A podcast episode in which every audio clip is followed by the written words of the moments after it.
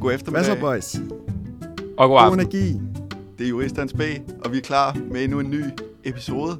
Vi er Yes. back on track. Vi har fornyet energi med til din podcast-app. Mit navn er William vi. Liel. Mit navn er William Skov. Og jeg er Daniel Duran. Og hvis det virker som om Daniel nogle gange kommer med sådan nogle øh, lidt for langsomme kommentarer og prøver sådan at, at hoppe lidt ind i samtalen på nogle mærkelige tidspunkter, så er det fordi, vi har med på en Teams-forbindelse. Ja, så er det fordi, at det netop er det, jeg prøver. Og hvor er det, du er hen, Daniel? Jeg er fortsat i Prag i Tjekkiet på udveksling. The underbelly of the beast. Hvordan går Ja. det dernede? Det går godt. Øh, siden sidst vi har snakket, har jeg været i øh, Budapest på sådan en weekendtur.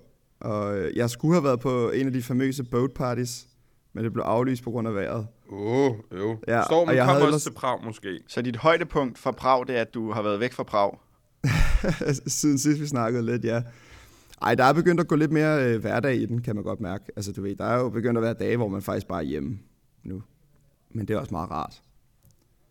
Øh, Men er du sådan, hvordan, øhm, hvor meget tager man egentlig ud og rejser til andre lande? Fordi jeg har en veninde, som er i Hongkong.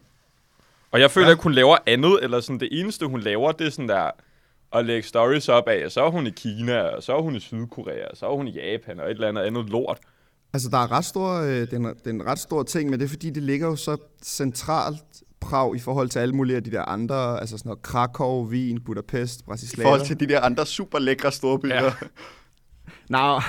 Nej, men det er jo sådan, ej, det er jo, det er jo store byer. Daniel, han Eller er fanget i sådan en putpori af verdens, øh, verdens knudepunkter.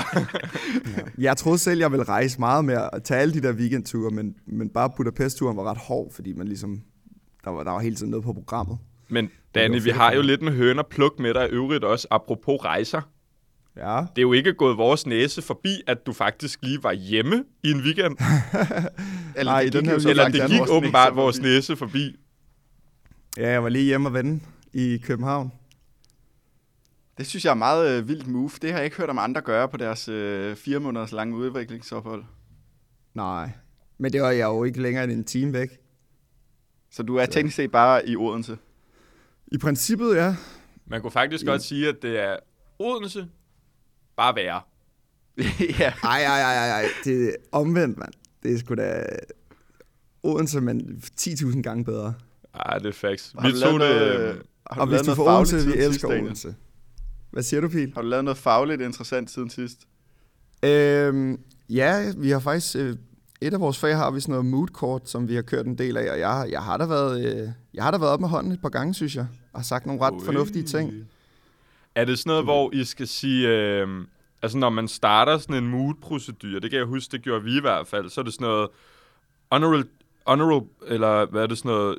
M- Mr. Judge, honorable members of the court, og så skulle man sådan stå og gå amok. Ja, det, det, der er en, der gør, men du ved, der er, læreren siger, at det er ikke nødvendigt. Åh, Men, øh, men det er sådan, at når jeg, når jeg vælger at sige noget, så er det sådan, du ved, jeg ved, jeg har mit, mit argument på plads, men jeg starter Ja. alligevel ud med sådan en, øh, sorry, øh, måske det er mig, der tager fejl, men... Og så kommer jeg og dropper en bombe, du ved, jeg spiller det der øh, ydmyge Uh. kort til at starte med. Det er altså ret sejt. det er rimelig Ja, det er bashed. fedt. Det, jeg kan Det- huske, det var... Jeg var også til, øhm, til Mode. I, faktisk også i Budapest. Øhm, hvor, men vores var vidderligt bare en druktur. Så sådan, på et tidspunkt, så skulle jeg mute med sygt mange tømmermænd, og jeg kunne ingenting. Og så, jeg ved ikke, hvordan det har fungeret i jeres, øh, Daniel, men vi havde sådan x antal minutter allokeret til os, så jeg skulle egentlig Ja, stå vores var slet ikke så havde, jeg skulle have fancy. sådan, hvad var har? Vores var slet ikke så... Altså, vores var bare, du ved, i timen. Vores var, var sådan ikke- sygt, øh, vores var sygt dårlig mood-agtigt, sådan noget konfirmationsvibe, tage et for stort jakkesæt og slips på og sådan noget. Jeg skal nok prøve at finde et billede frem af det. Det var virkelig sådan præcis, som man forestiller sig, det vil være. Og vi havde været ude, øh, Victor og jeg, som er en af vores kammerater, os alle tre, og jeg havde sådan 15 minutters procedureindlæg. Og så efter 5 minutter, sådan, jeg kan dårligt stå, og jeg sejler bare, så kigger jeg bare op på dommeren, og så siger jeg, Your Honor, respectfully, I forfeit the rest of my time. Og så kigger de Det på mig at og sådan der, Are you sure you want to do this? Så siger jeg, yes. Så siger de, no one has ever in the history of this mood forfeited the rest of their time. Så kiggede jeg bare ned på Victor, og så sagde jeg, I would like to transfer the rest of my time to my next colleague, som så var Victor. Og så skulle Victor op og tale i Fantastisk. 25 minutter. Og det er den eneste oplevelse, jeg har med Moody. Jeg synes simpelthen, efter den oplevelse, så er jeg ikke turde røre det siden. Det synes jeg er stort, at du allerede som, øh, hvad var du det på det tidspunkt, to, 23 år, 23 år. har skrevet dig ind i To- historiebøgerne. 22 I de, år. I de juridiske det er faktisk- historiebøger. Som den værste, øh, det værste procedureanlæg i, Tænk- øh, i Philip Jessup Mood Competition Tænk en udvikling, historie. du så kan lave, ikke? Ja, Altså, du kan gå helt fra bunden, helt til top. Altså, du er Ole Spiermann. Altså, det billede, som Ole Spiermann lagde Ja. op på sin LinkedIn, ja. det er du om 20 år. Som Pop Smoke sagde, shoot for the stars, aim for the moon. Det er mig. det har jeg sgu ikke hørt Pop Smoke sige. Men fedt, mand. Hvad med jer i øh, Danmark? Går det godt derhjemme ellers? Det er sjovt, du spørger, Daniel, fordi jeg har jo lige lavet noget helt ekstraordinært. Jeg har tilmeldt mig afslutningen på studiet. Specialet. Ja, Øj, du er faktisk ubehageligt. almost done nu. Det er en... Det var en forfærdelig følelse, fordi jeg havde den øh, forestilling, at jeg bare skulle tilmelde mig et fag, men man skulle også lave en emnebeskrivelse. Nå. Og det gik først op for mig, da jeg gik ind på sidste dagen for at udfylde blanketten. Ikke? Ej, hvor oh, sjovt. no. Så, Hvad har du så øh, fået fyldt ind? Fordi ved du, hvad du vil skrive specialer om? Nej, men så skrev jeg bare misligeholdelse, så tænkte jeg, der kan alt. Der kan alt. Det er egentlig meget fedt bare at skrive. Sådan. Jeg vil bare gerne skrive om øh, kontrakter. Så- se, Kontraktlige forpligtelser. Ja, præcis. Ja. Hvordan føles det sådan at vide, at nu... Hvornår har du din sidste eksamen? Øh, uge 3 i januar. Det er jo sådan den sidste reelle eksamen, du skal til på studiet. Altså selvfølgelig, specialet tæller, men ikke rigtigt. Det er, Det er jo lidt sådan en snyde. Det er jo, det er lidt bare noget, vi leger. det, det har haft lidt en omvendt effekt på mig, tror jeg, fordi jeg kunne forestille mig, hvis det var, hvis det var sådan i et, i et øh, for lige at drage en allergi til et cykeløje med, så vil jeg jo sætte slutspurten ind og virkelig sætte ja. fart på og virkelig være fokuseret. Men det har næsten været modsat, fordi altså, jeg har virkelig ikke brugt energi på at læse op til fagene. Jeg har det sådan, oh, der, er jo, der er alligevel kun den ene tilbage, så hvis det går skidt, så er det Så er det, hvad det er. går. Altså, Det, det er Hvor vildt. er det vildt, du skal skrive speciale. Det er sygt crazy. det skal vi alle sammen jo. Ja, okay, men er det Ja, her... vi skal det bare altså, ikke nu. det er nok mere det, Det er bare det vildt. Så, så gik tiden. Så, så er tiden skulle gå. Du ved, altså... Ja, det er fandme lækkert, mand. Men jeg havde også meget sådan en... Det ved jeg ikke, om I også kan genkende til. Det er måske lidt svært for dig lige nu, Daniel, lige med, at du er i Prag, men sådan, jeg gik på gangen her. Jeg var ude på øh, KUA på Københavns Universitet her i går. Jeg kunne ikke kende nogen. Altså sådan, jeg synes, jeg synes, at det var lidt ligesom, da man kom i 3.G, at det var sådan, Nå, men nu var alle dem, der ligesom gik over dig, gået ud, og du var lidt bare sådan en solo rider, der bare lige manglede et år -agtigt. At det er sådan lidt sådan, jeg har det. Selvfølgelig er der nogen, man siger hej til, men sådan, jeg har ikke nogen forbindelse til stedet mere. Jeg, er sådan, jeg vil bare gerne være færdig. Det Ja. siger mig ikke Ja. noget mere. Der var faktisk... Øhm, jeg mødte en gammel kammerat fra Danmark, som sagde, at øh, hun, hende og hendes studie tog nogle gange til jurabar. Og så måtte jeg jo simpelthen erkende, at jeg har ikke været til jurabar i, jeg ved ikke hvor lang tid, og jeg, Nej. du ved, jeg aner egentlig ikke, om det er fedt for tiden eller ej, fordi, pff, det, det, altså, ja. Og det samme med uni, du ved, når der sker noget ude på uni, jeg har ikke været ude på uni i lang, lang tid, og når jeg er der, er der kun for timer og smutter igen. Det er faktisk lidt sjovt, du nævner det med jurabar, fordi nu du siger det, så, så synes jeg heller ikke, at jeg får sådan... Det er som om, jeg er blevet afskåret fra notifikationerne Ja. om det også. Det er faktisk rigtigt. Ja, det er ikke engang løgn. Jeg har hører slet ikke hørt, at det stadig skulle, øh, skulle udspille sig, men det gør det jo garanteret. Det kan være, det er sådan en threshold, de har efter 8. semester, så er de sådan, nu er du lidt en grisebase, hvis du dukker op, så nu fjerner vi dig lige fra listen. Ja, det burde de næsten gøre. Ja. Men jeg, jeg fik et minde i, i sidste weekend, eller i fredag sidste uge, at da dig og mig, Pil, vi tog til Jurabar en aften og bare havde det fucking grineren på floor og sådan noget. Ja. Ja. Det fik jeg et minde fra på Snapchat den anden dag. Det var Der to fik år den- siden. Der fik den ikke for let. For to år siden, For to år siden. Jeg tror, det er sidste gang, jeg har været der. det tror jeg også. Jamen, jeg tror jeg også, at der var vi sådan er der... løgn. Mm. Ja. Nå, jeg mindes ikke, tænk, at man- vi har været der overhovedet på noget tidspunkt under vores øh, kandidat, vel? Og det er i hvert fald halvandet år nu, og jeg mener altså heller ikke, vi var der sådan under sidste led af bacheloren sådan rigtigt. Sidste gang, jeg føler, jeg har været der, det var da vi gik på fjerde semester, da vi havde forvaltningsret og ting sekretet til ret. Der var også god grund til at drikke sig fuld, vil jeg sige. Det var jo ikke sjovt. Men jeg føler ikke, at vi har været der efter det, og det er alligevel sådan to og et halvt år. Jeg kom til at tænke på, nu hvor vi snakker øh, jurabar, som er jo en fest, vi ikke deltager i, som er arrangeret af JD, så kommer jeg også til at tænke på JD's årsfest, som, øh, som Den jo er- lige har været løbet af stablen. Den har også været svær at undgå. Den må vi heller ikke deltage i mere. Nej, den har vi heller ikke. Det har vi desværre ikke deltaget i. Det vil vi utrolig, utrolig gerne. Det ser simpelthen... Altså alle de folk, der lægger stories op på Instagram, og fede, lækre montager, reels, og ej, hvor er det fedt. Ja, ej, ja, ja. Hvordan, for har du egentlig fået meget FOMO, du, nu hvor du bare har set det der meget ekstravagante, pompøse festfyrværkeri af en, øh, af en fest, der har udspillet sig inde i Molkes Palæ, nu hvor du har været væk? Nej, altså, øh, jeg kan godt forstå, hvorfor man måske skulle gøre det, men det har jo aldrig rigtig været os, tror jeg. Altså, det er jo det der med, at folk sidder så i kø natten før de sælger billetter kl. 10 om morgenen, så sætter de sig i kø ude på skolen og sidder klokken, ja, klokken, kommer klokken 2 om natten for at være i køen til at komme til en eller anden fake elitær fest. Altså, no, altså det er så sygt. Det er sådan lidt vores studies version af den gang, man øh, lagde sig i kø for at købe Yeezys. Ikke?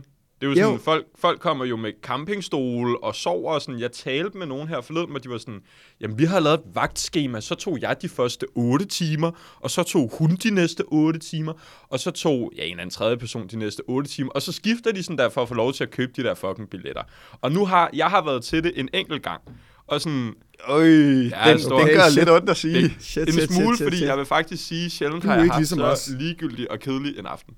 Altså sådan, det var virkelig der, hvor jeg tænkte, what the frick? Altså sådan, Men det er måske meget godt, du har været med, fordi så er du, vores, du er vores eneste førstehåndsvidne jeg er, til, hvad der inside, sker. jeg er inside man. Fordi jeg har bare kunne orientere mig på JD's hjemmeside, hvor de selv beskriver årsfesten som en aften fyldt med smukke kvinder, stilede mænd og gamle traditioner. Det er ej, mest skriver bare, de det? Ja, men det er mest bare sådan folk, der kommer med skæve butterflies og Sarah smoking, ikke? Altså sådan, du ved, det er jo lidt, det er meget, jeg synes, det er et rigtig flot glansbillede, der bliver tegnet, men når du tjekker det efter i sømmene, så er det lidt dårligt. Altså sådan, jeg ved ikke, om det også er mig, der bliver lidt... Øh, øh, øh, øh. Altså, Men jeg forstår sådan- godt, jeg er sikker på, jeg er sikker på hvis, man, hvis jeg tog til det, så ville jeg sikkert have en god aften. Altså, fordi det, det, ser, Ja. det, det, er jo det er jo sjovt lavet. Men jeg tror også bare, det der med, når man ikke er en del af det, og man, og man synes, det virker lidt fjollet, så ser jeg alle de her stories af, altså, det ligner jo sådan nogle, det ligner sådan nogle, altså, små børn, som, lige har fået, som endelig har fået lov til at få noget slik. Det er som sådan lidt altså, en, de er jo en helt dårligere ekstatiske galafest, ikke? over at kunne få lov til at dele, at de er i deres kjoler og deres suits, og at de Jeg kan synes- stå på stolene og vifte med et, øh, med det Et der tørklæde. Øh, tørklæde der. Ja, eller sådan en, dæk, en dækserviet er det jo så nok for mig. Ja, Det, det, der gør, den falder af for mig, det er, at det ser ud til, at folk har mere brug for at fortælle, at de er til festen, frem for at nyde dem, der deltager Præcis. i festen. Men det er jo den gamle filosofiske overvejelse, ikke Pil? At hvis et træ falder i skoven, og der ikke er nogen, der hører det, falder det så over hovedet. Hvis du har været til fest, og ikke lægger 20 stories op med grøn cirkel, har du så overhovedet været til fest? God pointe. Det er jo, sådan, det er jo nok den gamle sådan, øh, overvejelse, man må, man må tage lidt i mente. Men jeg ved ikke, for mig tror jeg også, det handler om, at det er sådan... Det er jo organiseret regi af juridisk diskussionsklub, og nu skal jeg også lige skynde mig at passe på, fordi JD laver også super mange fede ting ude på studiet. Okay. Altså, det, det, der er også en masse faglige tilbud, og Chuhai og Chubange Chokolademand og Trivsel og alt muligt andet, som de også sætter skarpt på. Det synes jeg er fantastisk. Øh, det skal være den første til at sige. Men jeg synes også, det er sådan... På en eller anden måde er det også lidt sådan en aften, hvor det er sådan... Der kan godt gå sådan lidt gruppeånderne i den, ikke? Og sådan, åh, JD, jeg har lavet verdens fedeste fest, og det sådan, sætter det op og sådan der, JD, JD, og sådan respekt. Men det er også bare en fucking årsfest, hvor der er en dårlig vinmenu, og tre retter, der smager som enhver anden tre retter, du vil få. Altså sådan, du kan- vildere er det bare heller ikke.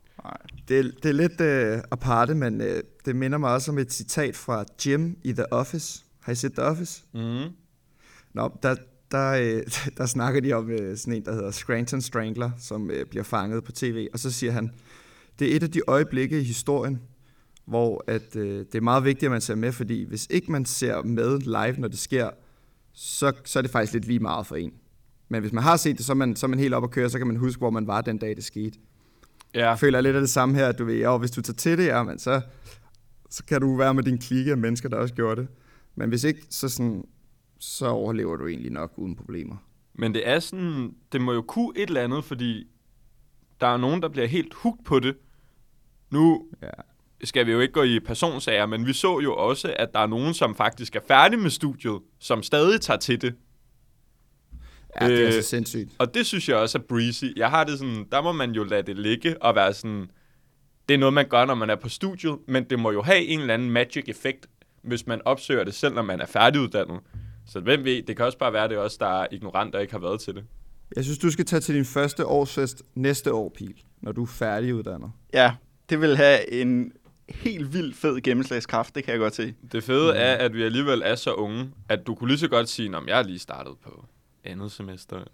Altså sådan, det, man vil ikke Ja, tænke så meget over løgn. det. Eller sådan, du ved, det vil bare være, nå ja, whatever. Jeg var faktisk stadig yngre, end, end nogle af vores klassekammerater var, dengang vi startede Ja, Det præcis. er ikke engang løgn. for fire år siden. Det synes jeg er lidt vildt. Inden vi runder den her, øh, den her årsfest af, så vil jeg lige give en lille teaser for ugens paragraf. Fordi den handler nemlig lidt om årsfesten. Eller den handler i hvert fald om noget, hvordan ens ageren til årsfesten kan, måske kan gøre dig inhabil i en retssag. Åh, oh, nej dog. Okay, sygt. Det er øh, U 1999 689 Ø, som øh, I kan glæde jer til at høre nærmere om sidst i episoden. Okay. Jeg afholder mig øh, med, jeg sætter linker i mine fingre, for at jeg ikke går ind på Karnov og søger på dommen på Ja. forhånd. Jeg kan godt fornemme, at det er, øh, det er svært for dig ikke at gå amok på tasterne. Det er, sådan, det er en hissig satan, Daniel. Det er jeg sgu også til at sige.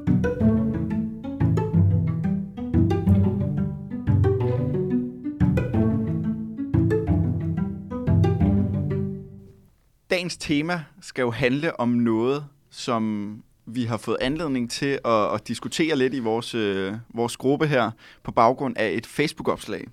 Jeg, øh, jeg læser lige op, hvad der står her. Du skal have lidt hård hud, da tonen kan være hård. Og på grund af, at de studerende i dag skal have fri, når de læser til eksamen, er ansættelsen først fra efter eksamensperioden. Det er fra øh, en advokat, som har lavet et jobopslag inde på Juragruppens øh, Facebook. Øh, og det har, øh, det har altså givet anledning til en, øh, en lille diskussion fra vores side af, om de jurastuderende egentlig klynker for meget. Har den gode advokat, der har lavet det her jobopslag, egentlig noget øh, at skulle have sagt? Er der noget sandhedsværdi? Fordi der har været sådan lidt røg i andedammen, fordi jeg tror egentlig min første indskydelse, da den her øh, samtale ligesom blev bragt op, det var, nej, nej, nej, det er overhovedet ikke, fordi vi klynker. Der, der er ingenting overhovedet. Og tænkte jeg lige, at jeg måtte fejre lidt for egen dør, og så gik det op for mig, og så tænkte jeg, okay, jeg klynker sgu egentlig ret meget over studiet. At Jeg var sådan, åh, jeg skal læse hele tiden, og jeg synes, det hele er så svært, og, og tingene må også godt være svære, og man skal også læse meget. Men jeg kiggede lige indad og tænkte, jeg synes faktisk, der bliver klynket en del.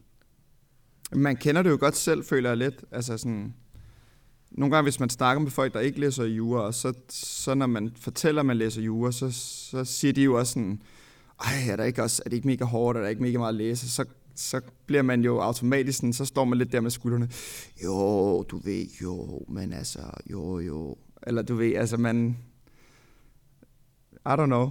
Det er jo ikke, fordi man nogensinde siger til nogen, ej mand, det er sgu da, det er fucking nemt. Eller, det, jeg, jeg hygger mig bare med det. Har I ikke lavet den der, apropos lidt i forlængelse af det, du siger der, Daniel? For jeg har prøvet sådan, det kommer så også bare til at lyde som verdens værste fest, når folk kommer op. Ej, hvordan er det så rigtigt at læse jura? Det er ikke sådan, alle øh, arrangementer er, men lad os nu bare sige, at det er sket. så har jeg da også taget mig selv i, i stedet for at være sådan, åh, jamen, det er egentlig fint nok, så være sådan, ej, det er bare mega svært, og sådan, man kan virkelig godt mærke, at det er en, øh, det er en svær disciplin. Altså sådan, det er også som om, at man lidt nogle gange, altså kløng kan jo betyde mange ting, men lidt sådan trækker det der kort for sådan at understrege, at det man altså laver er super svært og super vigtigt. Jeg ved ikke, om det er Ja. også lidt af det, du prøver at komme ind på, Daniel. Jo, jo, præcis. Men jeg tror også, det er også fordi, vi, vi er også på kandidaten nu. Altså, vi har alligevel fået den her juridiske metode rimelig godt under neglene nu. Ja, tal for dig selv. Det er jo, Men jeg ved heller er ikke, jeg føler heller ikke- sådan, jeg føler ikke, jeg har, jeg sådan klynker på samme måde, som I fortæller til sådan, altså, jeg, jeg kan godt lide at underspille det lidt, men det er jo, det er jo ligesom Daniel, der siger, sorry, øh, hvis mit argument er dårligt, men ja, ja. Men jeg tror også, altså, hvis man, hvis, når man klynker over det, så er det jo også, og klynker er jo sådan, det er et nedladende ord for det, men det kommer jo af, at man ligesom er lidt stresset over det, og synes, det er svært.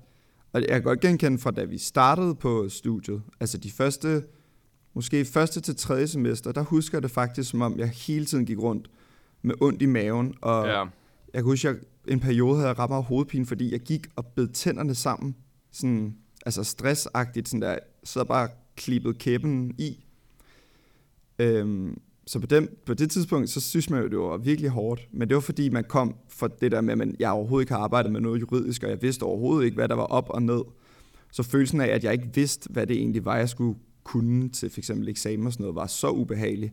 Det er jo også, det er jo også fordi, vi sammenligner os meget med hinanden. Altså, det er jo, ja. det, er jo det, man automatisk gør, selvom at øh, i Utopia, så var man jo bare øh, på studiet for selv at blive den bedste udgave af sig selv, for ja. at sige det meget sådan 2023-agtigt. Ikke? Meget sådan Tumblr-post. Ja, men, men man kan jo ikke lade være med os at, at kigge på, okay, øh, havde vi det rent faktisk hårdere end sidste omgang, der var op? Og er det ikke lidt uretfærdigt, ja. at vores eksamensopgave var dit og dat? Altså for at drage et eksempel, så har der jo været en masse klønk det er rigtigt. omkring TKR-eksamen. Der har været sådan værre palaver, det som om nogle gange, så rejser hele KUA sig op som en fagbevægelse og begynder at praktisere sådan en kollektiv klønk. Vi gjorde jo det samme dengang, vi har været til obligationsret. Kan I ikke huske det? Hvor det var sådan noget, jeg tror, det var sådan et Facebook-opslag, hvor det blev sådan totalt uh, Frankensteins monster-agtigt. Jeg Kim Frost ud af KUA med fakkeloptog det er bare også for dårligt, at eksamen er så svær, og hvad sker der for noget, og blablabla. De der opslag får jo sådan noget 500 likes. Ja, men det er jo lidt ligesom, altså det er jo lidt ligesom en revolution, eller ja. en demonstration i Rusland, ikke? Jo. Det sker, men der kommer ikke rigtig noget ud af det. Det, det er et kub, de tager minus kub. Der sker ingenting. altså, det, det er meget sygt, men sådan, jeg ved ikke hvorfor. Det fordi, det er også sjovt, at nu sådan, det var du også lidt inde på, det der med slutspurten måske, Pil, men sådan, jeg magter ikke sådan der at stress over mit studie mere. Altså sådan, jeg føler også, at jeg er kommet til et punkt nu, hvor jeg har det sådan lidt, okay, jeg kan tælle på en hånd, hvor mange eksamener jeg har tilbage. Jeg føler sådan lidt, jeg har taget den tur i Manation, jeg skulle. Så sådan, jeg føler engang, jeg gider at stresse eller klynke over, at jeg synes, tingene er svære, for jeg har det sådan lidt, jeg er alligevel ude om et år. Jeg ved ikke, om du har det på samme måde, Daniel? Mm, nej, det ved jeg ikke. Det er ikke lige noget, jeg kan genkende super meget i hvert fald. Men det, eller jo, altså, jeg, jeg føler heller ikke, jeg, jeg føler, jeg har lært bare sådan trust the process, fordi jeg har alligevel kommet her til, hvor jeg er kommet, ved at gøre, som jeg gør. Så sådan, Men ja. det var vel netop også på grund af sådan at, at undgå karakterræser, at du valgte at tage på udveksling, vel? Ja, det var det. Ja, 100 procent. Det var en af, en af momenterne for, ud, og for at tage på udveksling, var blandt andet det der med, at de karakterer, jeg fik her, blev overført som bestået, ikke bestået til KU. Så, det var, så jeg ikke skulle stresse over, hvor godt det gik. Men Daniel, du skal jo huske, det handler ikke om at få gode karakterer, men om at have god karakter. Uh. det er jo kammerat, der siger det. Apropos det der med sådan lidt, ikke nødvendigvis at klynke, men også at man som studerende nogle gange godt vil redde ansigt, eller foregive, at man måske ikke går så meget op i resultaterne alligevel. Så det her er jo et citat, der bliver ytret på andet semester, af en af vores kammerater i en gedukken brændert inde i Frederiksberg have. Og jeg har faktisk tænkt, at det bliver slået ned af dig, William. ja, det er rigtigt. På. det, var, det var the ultimate punch, jeg ramte der ordentligt godt, kan jeg huske. Øh, det skal så bare også lige have med til historien, at du sagde, du må godt slå mig. Ja, på, bryst, ikke, på brystkassen. På, på brystkassen. Det er ikke, fordi du var uprovokeret. Men der tror jeg, det bliver sagt i sådan en ordentlig koger af en af vores kammerater, som har fået en mindre heldig karakter, som er øh, fantastisk godt begavet og egentlig også øh, super sød. Ja, det var jo faktisk en fin karakter, han fik. Det ja, var bare ikke toppen af pop. Det var ikke top of the pop. Øh, hvor at det er sådan de fantastiske ord, der bliver ytret, der sådan, mens du står og svejer lidt med en øl i hånden ved siden af. Det handler jo, gutter, øh, ikke om at have gode karakter for helvede. Det handler om at have karakter. Hvor det var sådan, det var bare sådan, ja, sådan, du ved, sådan rigtig klapsalve-agtigt, sådan der, you go girl, pop off. Altså sådan en slay-type mm. beat, ikke? Hvor det var sådan lidt, okay, Men det ligger måske fuck. også, det ligger måske også bare i juristers øh, natur, at man ligesom klager. Eller sådan, altså, at, jeg man, var jo... at, man, at man snakker imod det, som øh, bliver besluttet. Jeg lavede jo også superklagen, apropos det der med klønk det ved jeg ikke, om I kan huske, men jeg fik jo frataget min SU, som jeg ikke havde fået i en periode. Åh oh, ja, så skrev du, mand. Ja. Det var fordi, du ikke svarede på din partør. Det var fordi, jeg ikke... Ja, det var, det var helt forfærdeligt. Det var fordi, efter, efter vi blev bachelor, så tog jeg et halvt år, øh, hvor jeg arbejdede fuldtid, hvor jeg stadig var tilmeldt KU, men havde fravalgt min SU. Øh, for ikke at komme i kambolage sådan i forhold til at tjene for meget, eller whatever. Jeg fravalgte ja. det bare. Og så, så får jeg sådan en mail om, at sådan, hej, vi vurderer, du er studieinaktiv, så vi fratager din SU fra nu af, øh, også med tilbagevirkende kraft, hvor jeg var sådan der, et, what the frick, sådan der, jeg har ikke fået SU, så hvordan vil I altså, tage det med tilbagevirkende kraft? Og to, Jeg er ikke studieinaktiv. Og så, Du har i lige startet igen, ikke? I stedet for at prøve den der mediatorrolle med ligesom at ringe og høre sådan, hey, jeg tror, der er en fejl, så vælger jeg at sætte mig ned og skrive en 10 siders lang klage. Jeg tror, jeg sendte den forbi jer og sådan noget. Jeg Jamen, havde d- så bilag. kom, du får deres påtænkte afgørelse, ja. Som du vælger ikke at svare ja, på. forslag til afgørelse, Ja. det er rigtigt. Som du vælger ikke at svare på. Jeg ser og så den først, ikke, når men du jeg får den, den endelige afgørelse, så, så kommer du med en kæmpe klage. Ja. Jeg kan Men huske, der jeg føl, blev... det føler jeg er essensen af, af det, vi snakker om her, øh, Skov. Fordi Ja, ja. du, har, du har kunnet tage friheden i at tage et overlov og øh, du ved, lave nogle øh, modeller med SU, som kan gå op, og så overser du en frist eller et eller andet. Jeg blev... Og så, og, så, og så klynker man efter, så, så ja. Hvis folk spørger, hvordan det går, så står man jo og siger, åh oh, ja, og så og ham SU, mand, de, oh, de er helt væk, mand. Oh. Ja. altså, Men det var også så hissigt, fordi jeg, så kom jeg i... Det, og det er lige præcis det der, du i tale sætter, Daniel. At det var, sådan, det var ikke nogen andres skyld. Eller det var ikke min skyld, det var alle andres skyld. Mm. Hvor, og så taler jeg også i telefon med en dame inden fra SU-styrelsen, hvor jeg sådan der bliver lidt træt af hende og får sagt sådan der, what? Altså sådan, jeg forstår ikke, hvordan I vil fratage mig en ydelse, jeg ikke har fået. Og sådan der, jeg er, jeg er tydelig studieaktiv, så sådan der, hvad handler det om? Hvor hun bliver sådan lidt barsk i tonen, og så da jeg sidder og skriver den her klage, så står hun skal bare, hun skal Ja, bare have. Så jeg skriver sådan et helt afsnit om sådan god forvaltningsskik, eller Ja. sådan, du ved, det der med, at når man taler med myndighedspersoner, så skal de være høflige, og sådan, jeg blaster hende bare i den der klage. Jeg synes, det fedeste ved den klage, nu har jeg haft lejlighed til at læse den, det er, at du som dokumentation for din ak- altså, at du er aktiv på studiet, vedlægger dine noter til et fag. Jeg, ved, jeg, jeg vedlægger jo ikke kun mine noter til et fag, jeg tror også, jeg vedhæfter sådan noget 41 posteringer fra min netbank fra Hava Java, for at vise, at jeg har gemt kaffe. Jeg blev så sur, at jeg var sådan der, du skal bare ikke tro, at jeg er sådan en snylder, der ikke dukker op og bare hiver S ud af systemet, og så fik hun lige 41 Cortado-regninger smidt i hovedet. Stakkels dame ja, det, det er sjovt, for det er en eller anden balance mellem, man som jurastuderende virkelig ikke har lyst til at blive set ned på, fordi man, man synes, man har det lidt hårdt, men på samme tid øh, gerne vil øh, hvad hedder sådan noget, ch- blive cherished for det. Altså, jeg tror, Altså jeg sådan, synes på Har mange... man for stort ego som jurastuderende? I don't know. Nej, jeg ved ikke. Jeg tror på mange punkter, synes jeg også, det er en svær diskussion, og nu er det ikke, fordi vi ja. skal trække den over i øh, en større samtale om sådan strukturelle udfordringer, men, men øh, jura er jo også det studie, øh, jeg ved ikke, om det er en undersøgelse, der kun udstrækker sig til København, eller man egentlig også tager andre universiteter med i den øh, kobling, men, men det er jo det studie, hvor at, øh, angst er mest udbredt, ikke? Er det ikke sådan der? Jo. Øhm, og, og, Og ensomhed. og ensomhed, så, så man kan ja, sige, ensomhed det, det skal heller ikke stå og lyde som om, at det her det er et kæmpe øh, korstog imod det at have det svært, og imod det at være øh, presset i forhold til sit studie. Det har vi alle været, øh, og det er ganske udmærket. Øhm, Men jeg tror faktisk også, at hvis man kigger på, altså nu det er svært at lave undersøgelser af, men hvis man kigger på dem, der klynker, så tror jeg ikke, det er de 20-30 procent, som er ensomme, eller som har angst i det forbindelse med studiet. heller. Jeg tror at modsat, det er dem, der rent faktisk er ressourcestærke på studiet, og Ja, får det er de, dem, der er de ovenpå, høje der karakterer. klynker faktisk jo. Babaha, hvad siger du? Ja, und, undskyld, jeg kom til at snakke oveni der, men jeg sagde bare, jeg bekræftede sådan, ja, det er jo faktisk dem, som er ovenpå, som øh, har overskud til at klynke. Ja, det, det, er jo, det er jo i den relation, at klynk bliver til klynk, og ikke bare altså Ja. reelt.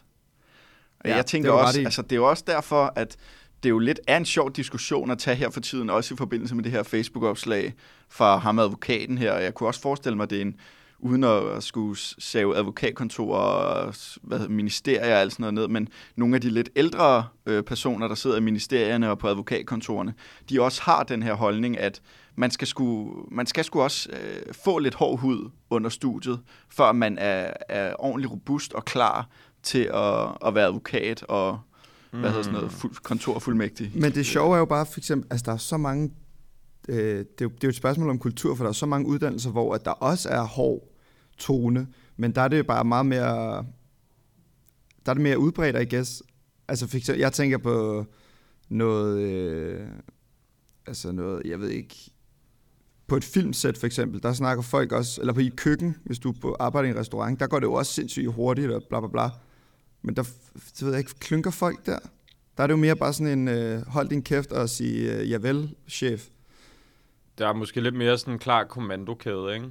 Men så, så er det måske egentlig positivt, at der er, altså hvis man ser det ud fra den vinkel, som du i tale satte, Daniel, Ja. så er det jo positivt, der er kløng på jurastudiet, fordi at de studerende ligesom prøver at gøre op med de, Der er rum til klønk. ja, med, Ja. ja. altså gøre op med de faste ting, som har været problematiske førhen, måske en dårlig tone på et advokatkontor. Ja, det er det, jeg mener med, om det faktisk måske bare ligger i juristers natur, ligesom at skulle øh, hele Ja. tiden øh, op- optimere sin øh, tilstedeværelse.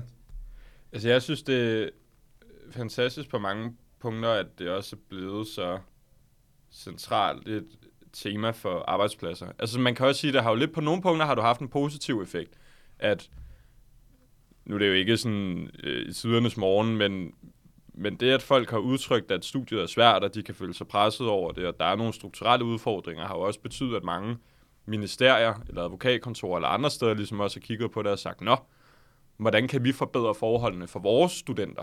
Formentlig. Altså sådan, det er der jo vildt mange arbejdspladser, der, der prøver ja. at integrere og arbejder med.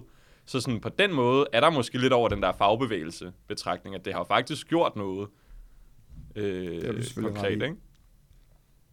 Ja. Men jeg ved heller ikke, om man gør det sådan... Jeg kan huske, det vil jeg da ikke lyve om, jeg har da også nogle gange, sådan, særligt da vi gik på øh, bacheloren i starten, sådan, det, lyder, det kan godt lyde sådan lidt for hippet, men det der med sådan at klynke eller sådan mentalt prøve at opstille en eksamen som sådan en kæmpe løve, og ja, det gør du hele og tiden. så komme Skov. til det, og så viser Det det, det sig egentlig, ja, og så viser det sig egentlig at være en papirtiger. Det der gamle udtryk med sådan, at der næsten også er noget fedt i, at være sådan, åh nej, det er så svært, jeg klarer det aldrig, og så komme til det og faktisk klare det, og være sådan der, yes, I'm on top. Det er selvfølgelig Ja. irriterende, hvis alle andre så også skal høre på det, men sådan, det ved Det er jeg også ikke. en- det, det tror jeg, jeg gjorde mere, da vi var mechanism. yngre. Er det ikke, er det ikke en uh, coping mechanism også? Ja, Jo. fordi det er, jo, det er jo bare så meget mere farligt at komme ind og sige, prøv at høre mand, vi har bare styr på det her, og så går det skidt. Så det er jo sådan, Præcis. så man det super nederen. Det er, jo, det er jo nemmere, apropos det der med at redde ansigt, ikke? Du skal jo slet ikke redde ansigt, hvis du fra start bare har været sådan, ja, det er sygt svært, jeg fatter det ikke. Mm. Så er det bare sådan, at om jeg fatter det ikke. Men spørgsmålet er så, om det er blevet for let at indtage positionen af, at det er, at det er for svært. Eller, altså du ved, man kan jo også udnytte det, Mm. hvis man... Nej, nej det, det bliver for... Øh, Det bliver for meta. Jeg ved ikke, det er jo ikke sådan, fordi ja. alle studier har jo svære fag. Altså nu taler jeg med en, der læser polit her forleden, og han, de har mikro, som er sådan notorisk er den eksamen på polit, som flest ligesom slår sig på. Og de jo, og sådan, jeg har mange venner, der læser polit på, de er bare sådan, åh oh, jamen, den er bare svær. Men når du spørger os, så er det sådan, åh oh, ja, obligationsret eller TKR, så er det sådan, det er verdens sværeste fag, og de vælger bevidst at holde snittet lavt nede, og bladre, bladre, bladre. Det er Ja. som om, man aldrig bare rigtig kan lugte med sådan, åh oh, jamen, det er bare et svært fag. nej, præcis. Man skal, lige have en, man skal altid lige have ekstra kommentar for at retfærdiggøre, ja. at man synes, det er lidt hårdt. Jeg synes også, altså CP- øh, HA Almen tror jeg også er et ret svært studie, i hvert fald for hvad jeg kan få indtryk af mine venner. Men når, når, når jeg tænker over at snakke med dem om uddannelse, jeg husker ikke, at de nogensinde rigtig siger, altså jo, så siger de, jo, den er hård, men de, altså, de sokker det op, og så, så knokler de på. Så er de videre. Mens jeg føler med jura, så er det mere sådan, åh, er det ikke sygt hårdt? Og så sidder man der, jo, det er det også, og man, det er bare at læse hele tiden, og bla bla. I don't know. Det var bare nogle tanker. det Jamen, jeg synes, det er gode tanker, og jeg Ja. synes, øh, det er en god diskussion, vi har fået, og jeg synes, det er retfærdigt, at folk fra klynker så meget over den TKR-eksamen. folk må, man må altid være utilfreds. Og nu har de ting. klynket så meget, så det er bachelorstudienævnet, som er dem, der ligesom styrer fagene på bacheloruddannelsen. De tager emnet op her sidst i november, og skal snakke om den høje dumpeprocent. Det er jo også lidt landet på dit bord, ikke? Altså klynken. Ja, det kan man På sige. nogle altså. punkter. Jeg sidder jo med i øh, eksamensankenævnet øh, for de formueretlige fag, og der er TKR jo et af dem, hvor øh, vi har haft... Øh, jeg, vil ikke, jeg vil ikke sige, at vi sådan, som sådan har haft usædvanligt mange klager. Altså, det ligger nogenlunde samme niveau som obligationsret. Men problemet har jo bare været, at, øh, at vi ikke har haft en, en vurdering af, om de her øh, opgaver rent faktisk er blevet bedømt for hårdt i første omgang. Så, så vi, har jo, vi har jo bare bedømt dem, som vi vil bedømme alle andre opgaver. Ikke? Hvad vil det sige? Ja, jeg skulle også sige, det, det, det forstår jeg slet ikke. Øh, jamen, jeg ved ikke, hvad det vil sige. Altså, det vil bare sige, at for, for at man får ligesom sin ombedømmelse, så skal, så skal det være sandsynligt, at man Nå. vil få en anden karakter ved Ja. ombedømmelsen. Og, og for at det er sandsynligt, så skal vi jo foretage en vurdering af, hvilken karakter lander den her opgave indenfor. Hmm. Og hvis den så lander inden for det, som den er blevet bedømt for i første omgang, så, jamen, så får man jo noget. så ikke ombedømmelse. Nej. Og altså, det, det er jo svært med sådan nogle vurderinger, fordi hvis vurderingen i forvejen er foretaget skrab, jamen så, så vil man jo godt kunne retfærdiggøre karakteren, Ja, hvis bare den ikke er helt øh, uden for fløjten. Ikke? det er måske det der med, at en opgave godt kan rumme flere forskellige karakterer. Men kan du, Pil, kan du, det ved jeg ikke, om du må sige, øh, med sådan noget, når du nu er i en særlig position, om du så bliver inhabil for fremtidige klager. Men altså, er det, er det nogle, øh, er der nogle besvarelser, hvor man virkelig sidder og tænker, okay, den her er jo fuldstændig hårdt bedømt, eller den her er jo dit eller dat, eller, Ja. eller, eller kan de godt holde til faktisk at fået den karakter, de fik? Altså, man, man kan jo også, den enkelte kan jo også søge agtindsigt i, i de specifikke afgørelser, så det er jo ikke mere øh, anonymt, end at der selvfølgelig er tavshedspligt vedrørende de altså personsagerne. Ikke? Men generelt set, så er det jo, så er det jo ikke, øh, det er ikke sjældent, at vi ser, at en karakter ligger lige på grænsen. Især fordi det jo også er et skøn. Altså, det er jo både et skøn for os, men det er jo også mm. et skøn for den første bedømmer. Og det er også et skøn for den tredje bedømmer, hvis det sker, ikke? Altså, så, så de, der er altid nogen, der vil ligge på grænsen, og der er altid nogen, hvor man vil sige, den kunne godt have været et firtal, men, men den kan snilt også være et total. Ja. Men det er meget sjovt, det er også sådan, kan I ikke også huske vores underviser i familie Afret, øh, Lars, han var sådan, det der med, når man så, da han fortalte om, hvordan eksamen ville fungere, så var han sådan, jeg vil hellere dumpe jer, end jeg vil give jer 0-2, fordi så har jeg et ekstra skud i bøssen. Ja. Hvor at det er også sådan... Det, er Det var der fandme en fra vores hold, der røg under den der. Ja, Og det er virkelig sødt, ikke? Altså sådan, det er jo det, hvor at det var sådan... Det er jo næsten sådan en sjov betragtning at være sådan jamen, jeg dumper dig, fordi jeg ved, du kan gøre det bedre. Eller sådan, jeg dumper dig, fordi... Det er synd, hvor at, jeg kan huske, at jeg talte med en, hvor hun sagde sådan... Jeg vil ønske... Det er en, der er færdig for lang tid siden. Hun havde netop haft den der, hvor hun dumpede en eksamen. Hvor hun bare var sådan, jeg vil ønske, at jeg bare havde fået 0-2, for så jeg ikke skulle forholde mig til det her igen. At sådan, det er lidt som om underviserne nogle gange tænker, at de gør folk en tjeneste ved at lade dem dumpe, så de kan sådan, Ja. Jamen, altså du Jamen, ved, jeg synes conquer også- the beast og tage til eksamen, hvor der er nogen, der vidderligt bare sådan, jeg vil bare gerne bestå det her, og skal aldrig forholde mig til det igen. I starten af vores, øh, på bacheloren, så skal jeg da godt huske, at vi var i kantinen, og så kunne man da godt høre nogle folk, der snakkede om, at de ville hellere dumpe, end at få 0-2. Ja, ja, men sådan, det er også som om, at det lidt er blevet sådan en fortælling, nogle af underviserne lidt tapper ind i, og sådan, jamen jeg dumper dig, i stedet for at give dig 0-2, selvom der jo også sidder nogle studerende, som er sådan der, jeg skal aldrig bruge det her til noget, jeg vil bare gerne Ja, have er 0-2 jo- og komme det er videre jo i dybt livet. forkert, Altså, egentlig. Ja. Ja. Men der er jo også et karakterræs på jurastudiet, som der ikke haver på samme måde på andre uddannelser, hvor det er mere vigtigt, at du bare ligesom kommer igennem uddannelsen. Mm, det er facts. Men det kan godt være, det er også der, det stammer lidt fra, at så, så ja. Og så med klynk mener vi jo også, det er jo sådan en balance mellem at klage, altså rationel klage, og så piveri. Det er jo der, klynke ligger lidt midt imellem der, ikke? Jo, det er sådan en, der lidt kan falde ud til begge sider. Altså man kan sige, ja. der er i hvert fald en god business case i, øh, Pil, at få øh, vores kammerat Jævs til at hjælpe med nogle af klagerne. Det er jo mesterklageren. Han har jo han har præsteret at få ændret tre karakterer nu, eller sådan noget. Han er hot. Han har en vanvittig track record inde i øh, ombedømmelsesnævnet. Men nej, fordi der tror jeg, han har fået ombedømt direkte hos underviseren, ikke? Og der, Nå, har han ikke, ja. der har han ikke været Nå, helt okay, vejen. I lægger først Og- efter, når underviser ligesom siger, det gider jeg ikke. Ja, og, og det synes jo, altså det har vi jo snakket meget om i ankenævnet, at det jo egentlig er en lidt mærkelig adfærd, at øh, underviseren bedømmer en, at bedømmeren bedømmer en opgave, ja. Ja, og så siger han, efter han har bedømt opgaven, ja, jeg har bedømt forkert. ja. Altså, jeg kan godt se, okay, det kan både være udslaget af, af selvindsigt, og at man ikke har brugt nok tid, men i virkeligheden så burde det jo ikke være sådan, at en bedømmer underkender sin egen bedømmelse. Nej, i, i en perfekt verden bør det jo ikke være sådan. Fordi så er der jo også- dem, der ikke klager, Ja, som bare må tage sig til takke med en dårlig karakter, på grund af bedømmerens ja. dårlige bedømmelse. Man kan vide, om det ikke også er fordi, sådan man, lidt ligesom man hørte i gymnasiet, at selvom underviserne siger, at det ikke er noget, de stiler efter, lidt stiler efter den der bell curve, hvor du har sådan nogenlunde normal fordeling af et par stykker i bunden, en del omkring midten og et par stykker i toppen, ikke? Ja. Hvor at sådan, hvis du så som underviser, det er mit indtryk, at du får indsigt i, hvordan dit hold har klaret sig, øh, eller din, øh, hvad skal man sige, dit eksamenskuld, de opgaver, du har rettet, klarer sig, og den lægger sådan crazy mærkeligt, så kan det jo måske godt være, at man er lidt mere tilbøjelig til lige at være sådan, okay, jeg retter lidt ind i forhold til at få en normal fordeling, så det ikke ser helt skørt ud. Det ved jeg ikke, men sådan det, jeg kunne godt forestille mig, at der nogle gange er sådan nogle andre overvejelser, der ligger bag. Ja. Det tror jeg, Jeg tror, 100% det går, har ret i. det går lige op for mig, hvordan jeg har, jeg har selv klynket, kan jeg huske. øh. Nå ja, du var også masterklinker.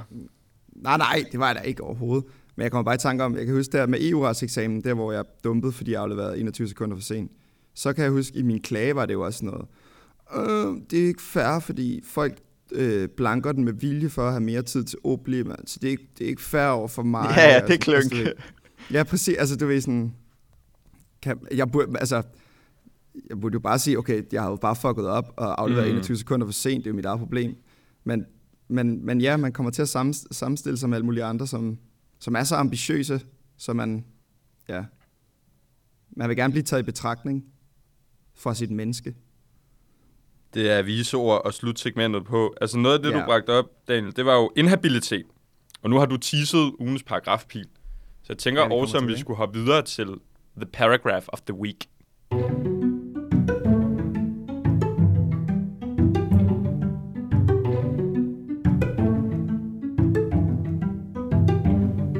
Så er vi nået til podcastens faste øh, indslag, nemlig ugens paragraf, eller skulle man kalde det, Ugens paragraf. fordi øh, det er jo, hvad det er. Øh, det er Pils tur den her gang, og Pil, du har teaset lidt, så jeg tænker bare, øh, take it away. Jamen, jeg var jo lidt på, øh, jeg må nok indrømme, da jeg skulle vælge ugens paragraf, var jeg lidt på bare bund. Så jeg spurgte øh, min gode kollega, advokatfuldmægtig hos øh, Lundgrens, øh, Malte Sigfrid Silverskjold Halkendorf. Meget mundrette navn. Ja, wow, du meget har lovet ham et promo. Du har lovet ham at shout-out så meget. om, øh, om han ikke ville finde en, øh, en afgørelse eller en retskilde til mig. Og så kom der en lavine af retskilder til mig. Men jeg fik udpeget, eller udvalgt en, som var den her U 1999-689 Ø. Og øh, jeg har valgt den, fordi der udspiller sig lidt af et øh, trekantsdrama mellem tre personer, henholdsvis en udvalgsformand, en gårdejer og gårdejerens kone. Så kan man selv måske næsten tænke sig til. Ah, Ja, jeg tror faktisk godt, jeg kan huske den her. Øh, I den her afgørelse havde et øh, kommunalt udvalg udstedt et påbud til gårdejeren om, at han skulle fjerne en masse affald. Men under sagen rejste der sig et øh, spørgsmål om inhabilitet hos udvalgsformanden. Gårdejeren gjorde gældende, at udvalgsformanden var inhabil, og øh, det skyldtes, at gårdejeren mente, at udvalgsformanden havde haft et såkaldt intimt forhold med gårdejerens kone. Altså med andre ord, udvalgsformanden havde haft øh, seksuelt samkvem med gårdejerens kone. Og hvor, hvor i Danmark er det henne? Står der det? Det, øh, det kan jeg, det, det kan jeg det, faktisk det må ikke være på huske. den anden side af de to broer. Ja, Nej, men det er det jo ikke, hvis der står ø. Der står, der står ø til sidst. Altså det er Østerlandsrand. Ja, præcis. Det finder vi ud af bagefter måske. Så må det Okay, være ja, meget ja. langt sydpå. Det er meget, meget sjovt at sætte en, en penny uh, geografisk, hvor det Ja, er henne. det er garanteret som Roskilde. Ja. Jeg tænkte også, jeg tænkte også noget. Jeg ved ikke hvorfor. Ingen Nå, hate til men- Roskilde. Ja. Men det var derfor, jeg tænkte, at afgørelsen passede meget godt med JD's årsfest, fordi jeg kunne forestille mig, at det ikke sjældent skete, at man gik ikke alene hjem. ja. Og Prøv man så ender tænke- med, og man ender med en eller anden, som man så et par år senere møder i retten. Jeg kan egentlig overfor. godt vide, sådan, hvor stort et praktisk problem det der måske. Altså sådan, jeg føler, at inhabilitet er noget, der fylder meget for øh, jurister og advokater, ikke? Men sådan, der er også den der, der er også, nu havde jeg civilproces her forleden, der er også en dom med en eller anden partner inden for kammeradvokaten, hvis kæreste Ja, det er rigtigt. var venner med en dommer eller et eller andet, ikke? hvor det er sådan, du skal altså passe på, hvem du drikker øl med til fredagsbar, apropos, fordi det kan lige pludselig betyde, bam, så er du inhabil. Og i gårdejerens tilfælde, så skal du måske sørge for, at du har en kone, der ikke knaller udvalgsformanden. Bam! Der er, der er jo lidt indavl ind på, på, på jurens verden. Altså, det er også det der med, alle, alle elever får undervisning af folk, der er advokatfuldmægtige eller advokater i advokatkontorer, og ender med at arbejde sammen med dem, eller stå over for dem i en sag. Og sådan, alle kommer på kryds og tværs af hinanden, og kan sådan, ja, man kan ende med at møde folk igen. Der er i hvert fald nogle berøringsflader, som er sådan rimelig vilde. Ja. Ja, det er vildt. Også, også en generelt interessekonflikt, for eksempel i advokatbranchen. Altså nogle gange, så, så er man virkelig afskåret. Altså ikke fordi jeg selv har gjort, prøvet, men altså, folk er afskåret fra at søge væk fra arbejdspladser, Ja. fordi at de så har haft øh, så mange sager, hvor alle modparterne har været advokatkontorer i det område. Ikke? Altså, jeg ved, det har, historisk har det været et kæmpe problem, særligt for folk inden for kammeradvokaten. At de har næsten sådan været stavnsbundne. Ja, Fordi de jo ikke, fordi man øh, selvfølgelig øh, fører så mange sager for øh, staten, og staten fører sager mod mange forskellige advokatkontorer. Ergo, så begrænser det dig bare, hvor du kan hoppe hen bagefter. Så sådan, du ved, der, der, jeg har prøvet at opleve og sådan talt med folk, hvor de sådan, ja, jeg kan ikke arbejde her.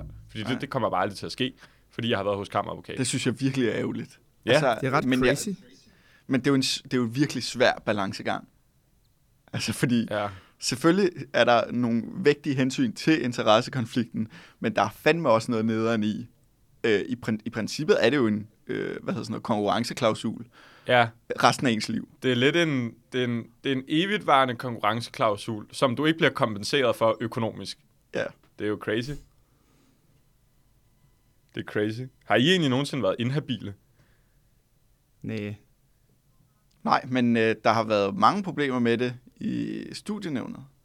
Nå, Og der, det er jo hele tiden et spørgsmål, også på sådan generelt i akademisk råd og studienævner, alle de der underudvalg, der Ja. også er, øh, fordi at, øh, ikke fordi at, men fordi mange af dem, som, øh, som arbejder på universitetet, det er jo også dem, som skal træffe nogle afgørelser Ja, for dem, der arbejder på universitetet. Ikke?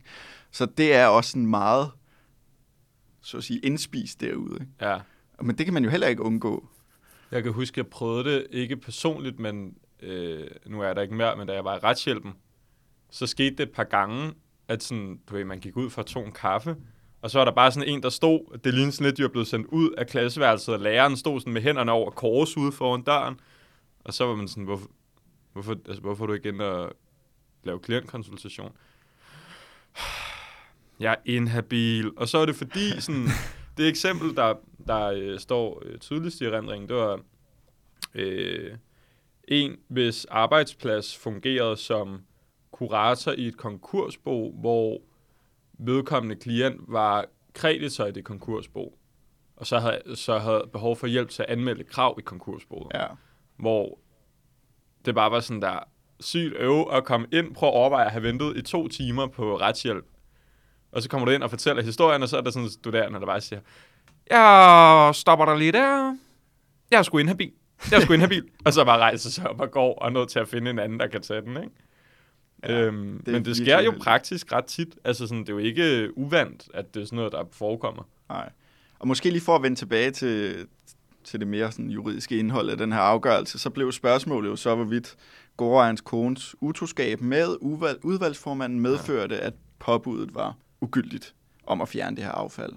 Og der øh, sagde Østre Landsret, at øh, det kan ligge til grund, at der har eksisteret et langvarigt intim forhold mellem udvalgsformanden og gårdejens kone. Derfor findes udvalgsformandens forhold til gårdejens kone at være egnet til at vække en sådan tvivl om hans upartiskhed, at udvalgsformanden må anses for at have været inhabil, jævnfør forvaltningslovens paragraf 3, stykke 1, nummer 5. Jeg skulle til at sige, at det er den der opsamlingsbestemmelse, som lidt bare griber alt, hvor. Ja. du har de der specielle inhabilitetstilfælde. Og så er der den sidste, hvor man siger sådan der, jamen det er sgu bare for whack, hvis du har været øh, i kagen med, med klagers kone, det går ikke. Ja. Eller sådan, du ved, den der, der ligesom samler op på det hele og siger, udover de her tilfælde, så kan der også foreligge inhabilitet. Ja, det sjove er, at øh, udvalgsformanden prøvede jo at argumentere for, at han øh, ikke var inhabil, fordi at det ikke faktisk havde påvirket udvalgsarbejdet, fordi han ikke havde den afgørende stemme, og så i øvrigt fordi, at gårdejeren på et tidspunkt finder ud af, at hans kone er utro med udvalgsformanden, Men ikke ligesom gør noget ved det. men ikke gør noget ved det. Så han siger ligesom, jamen du var klar over det. Det er lidt ligesom din påtænkte Så ham afgørelse. der, det er ham der meget sjovt at gårdmanden, prøve at argumentere for sådan en passivitetsbetragtning i inhabilitet og sige, jamen du vidste jo godt, du vidste jo godt, at jeg knaldede din kone, så det er jeg ligeglad med. jeg føler ham der gårdejeren, det er, sådan, det er meget den der situation af sådan der, I've won, but at what cost? Ja, det er faktisk Sådan, rigtigt. jo, du har When you live sagen, long men- enough to see yourself become the villain. Ja, men jeg, jeg tror alligevel, at han er meget glad. Det var næsten 700 tons affald, der skulle Åh. køres væk fra hans grund, som han så får betalt af kommunen. Okay, men man kan jo sætte den op. Vil du, vil du helst have 700 ton affald fra sin grund, der øh, det, eller at din kone har været utro? Nej, men det er jo ikke det, at konen har været utro, fordi det har hun været under alle omstændigheder. Men ja, det er ja, men det, at øh, han hvis ikke opdager havde det. vidst det. Ja, ja, præcis. Det var hun måske, fordi han havde 700 tons affald stående udenfor. nu skal jeg ikke, men altså, det virker heller ikke til at være super heldigt. Nej, det er en del affald. Det er en del affald. Det er meget affald. 700 ton, det er jo ikke crazy. Det var det en er kompostbunke. øh, det er jo en genbrugsplads. Uh, inden, nu er det lang tid siden, jeg har haft forvaltningsret, men har det også det der, ligesom man har i uh, civilprocesretten, i forhold til sådan en partiality of appearance, det der med, at dommeren, en ting er, at de faktisk er upartiske, men de skal Ja. også fremstå. Det er det, de siger. Øh, ja, det er den, så sådan, at på, det kan jeg. godt være grundlag for inhabilitet, selv hvis man bare kunne mistænke, eller sådan, det fremstår lusket. Ja. Det er vel lidt det samme, man siger her, ikke? Ja, fordi udvalgsformanden siger jo netop, det havde i virkeligheden ikke nogen forskel, fordi Nej. jeg var ikke upartisk, Præcis. og det havde ikke nogen betydning. Men så siger landsretten så, at det er lige meget, fordi der, der, det kunne vække tvivl om, hvorvidt du var upartisk. Ja. Og derfor Ja, er du også inhabil. vi der. Ja. Det synes jeg egentlig er meget fint. Altså, det er mit indtryk, Ja. kunne jeg forstå på forvaltningsret, at grænsen i forvejen er sådan ret høj i forhold til, Ja. hvornår man statuerer inhabilitet. Så at man øh, på den måde sænker barn lidt øh, ved at fortolke begrebet sådan, det synes jeg egentlig er fint. Der er måske også bare en, der har siddet sagsbehandlet på det her og tænkt, det sgu synd for ham. Det er sgu synd, det sgu synd for ham. Sådan, lad, lad ham få den her. You never know. Skal vi sige lige tak for øh, det? helt andet, øh, Skov. Du Nå. sagde, at øh, nu er du ikke i retshjælpen mere. Det, det skulle du ikke med, eller hvad? Det har jeg slet ikke hørt, at du stoppede. Nej, jeg vurderede, at øh, jeg simpelthen ikke havde... Det lyder så groft, når det kun er en gang om ugen, men sådan, jeg, havde, jeg havde simpelthen ikke tid til det mere. Altså, sådan, jeg ved ikke, øh, nu bliver det også sådan lidt... Apropos dagens tema, som er klønk. Nu klynker jeg lige lidt. Men sådan, det ved jeg ikke. Jeg har bare sådan... Jeg har bare for travlt, og var sådan, det kan jeg faktisk ikke lige overskue mere. Og sådan, jeg, nej. jeg slår et kæmpe slag for, at man lige tager en tur i en retshjælp. Det er fantastisk, og det er dejligt at hjælpe folk, men jeg tror også på et eller andet punkt for mig, så ramte jeg også lidt en erkendelse af, at sådan, det var sgu de samme sager, der blev ved med at komme igen. Det var meget sådan, jeg har ikke fået mit depositum, eller øh, min kæreste og jeg er gået fra hinanden, vi står begge på lejekontrakten, hvad gør vi? Sådan, det er lidt ligesom, har I set den der film Groundhog Day, hvor at, øh, man vågner op til den samme dag hver dag? Ja. Det var sådan Ja. lidt sådan, jeg havde det til sidst, og så kunne jeg mærke, at det ved jeg ikke, så var jeg egentlig færdig med det. Så I'm, I'm out. Men når det er frivilligt arbejde, så skulle det jo også gerne være sådan, at man selv føler, at man også får noget ud af det. Jamen, nogle gange har det været vildt værdiskabende. Jamen, fordi jamen sådan- og hvis det ikke er det længere, så er det jo, altså, så er det jo sådan, det er. Det er det, og sådan, det ved jeg ikke. Jeg tror også, at jeg vurderede sådan nu, jeg nåede at have ni måneder derinde. Og det synes jeg var super fint, men sådan, Det er også jeg havde heller ikke behov for mere. Ja, det var nemlig også en chat, og sådan, jeg tror også, det var kommet til et punkt, hvor for eksempel nu er det onsdag i dag, så vil jeg sådan vågne om onsdagen og være sådan, åh ja, jeg skal også, jo, jeg skal også i retshjælp i morgen -agtigt. Sådan, det var begyndt at blive sådan et irritationspunkt for mig allerede Ah, dagen inden, og så ja. er jeg ja. sådan der, okay, det kan jeg ikke mere. Altså sådan, jeg er nødt til at komme ud af det her. Det er aldrig fedt at skulle gøre noget, når man ikke glæder sig til det. Nej, præcis. Så, Så, så begynder det at blive hårdt. Ja. Men det har jeg glædet mig til at optage podcast i dag. Det vil jeg Ja. bare sige. Det vil jeg også Ja. sige. Det har været en fornøjelse. So Ja. let's end it on a high note. Måske vi skal til at lukke ned for i dag, Ja. så vi Ja. ikke spolerer glansbilledet. Vi er tilbage yes. en eller anden gang i december. Vi ved ikke helt, hvornår, men Nej. Vi håber, at, at det sk- sker. Julespecial incoming. Right? Ja, jo, jeg faldt lige staver, men yes, we have a Christmas special in the, in the, in the makings. Jeg finder nogle, øh, nogle julebells frem og rasler i Gør næste det. afsnit. Så tager jeg peber noget med. Ah, men det er Og fantastisk. Jægerborg. Og Jægerborg. Fedt. Nå, det der gris. Det var en reference til en tidligere episode, Ja. ja. kære lytter. Så hvis du ikke har hørt det, Så, så, kan du gå ind og finde øh, episoden inde på det sted, hvor du nu engang hører din podcast. Og på den note vil vi sige tak for den her gang. Den her podcast produceres. I samarbejde med Karnov Group og Konius. Den var der Yes, næsten, sir. men tak for det. Vi lukker den.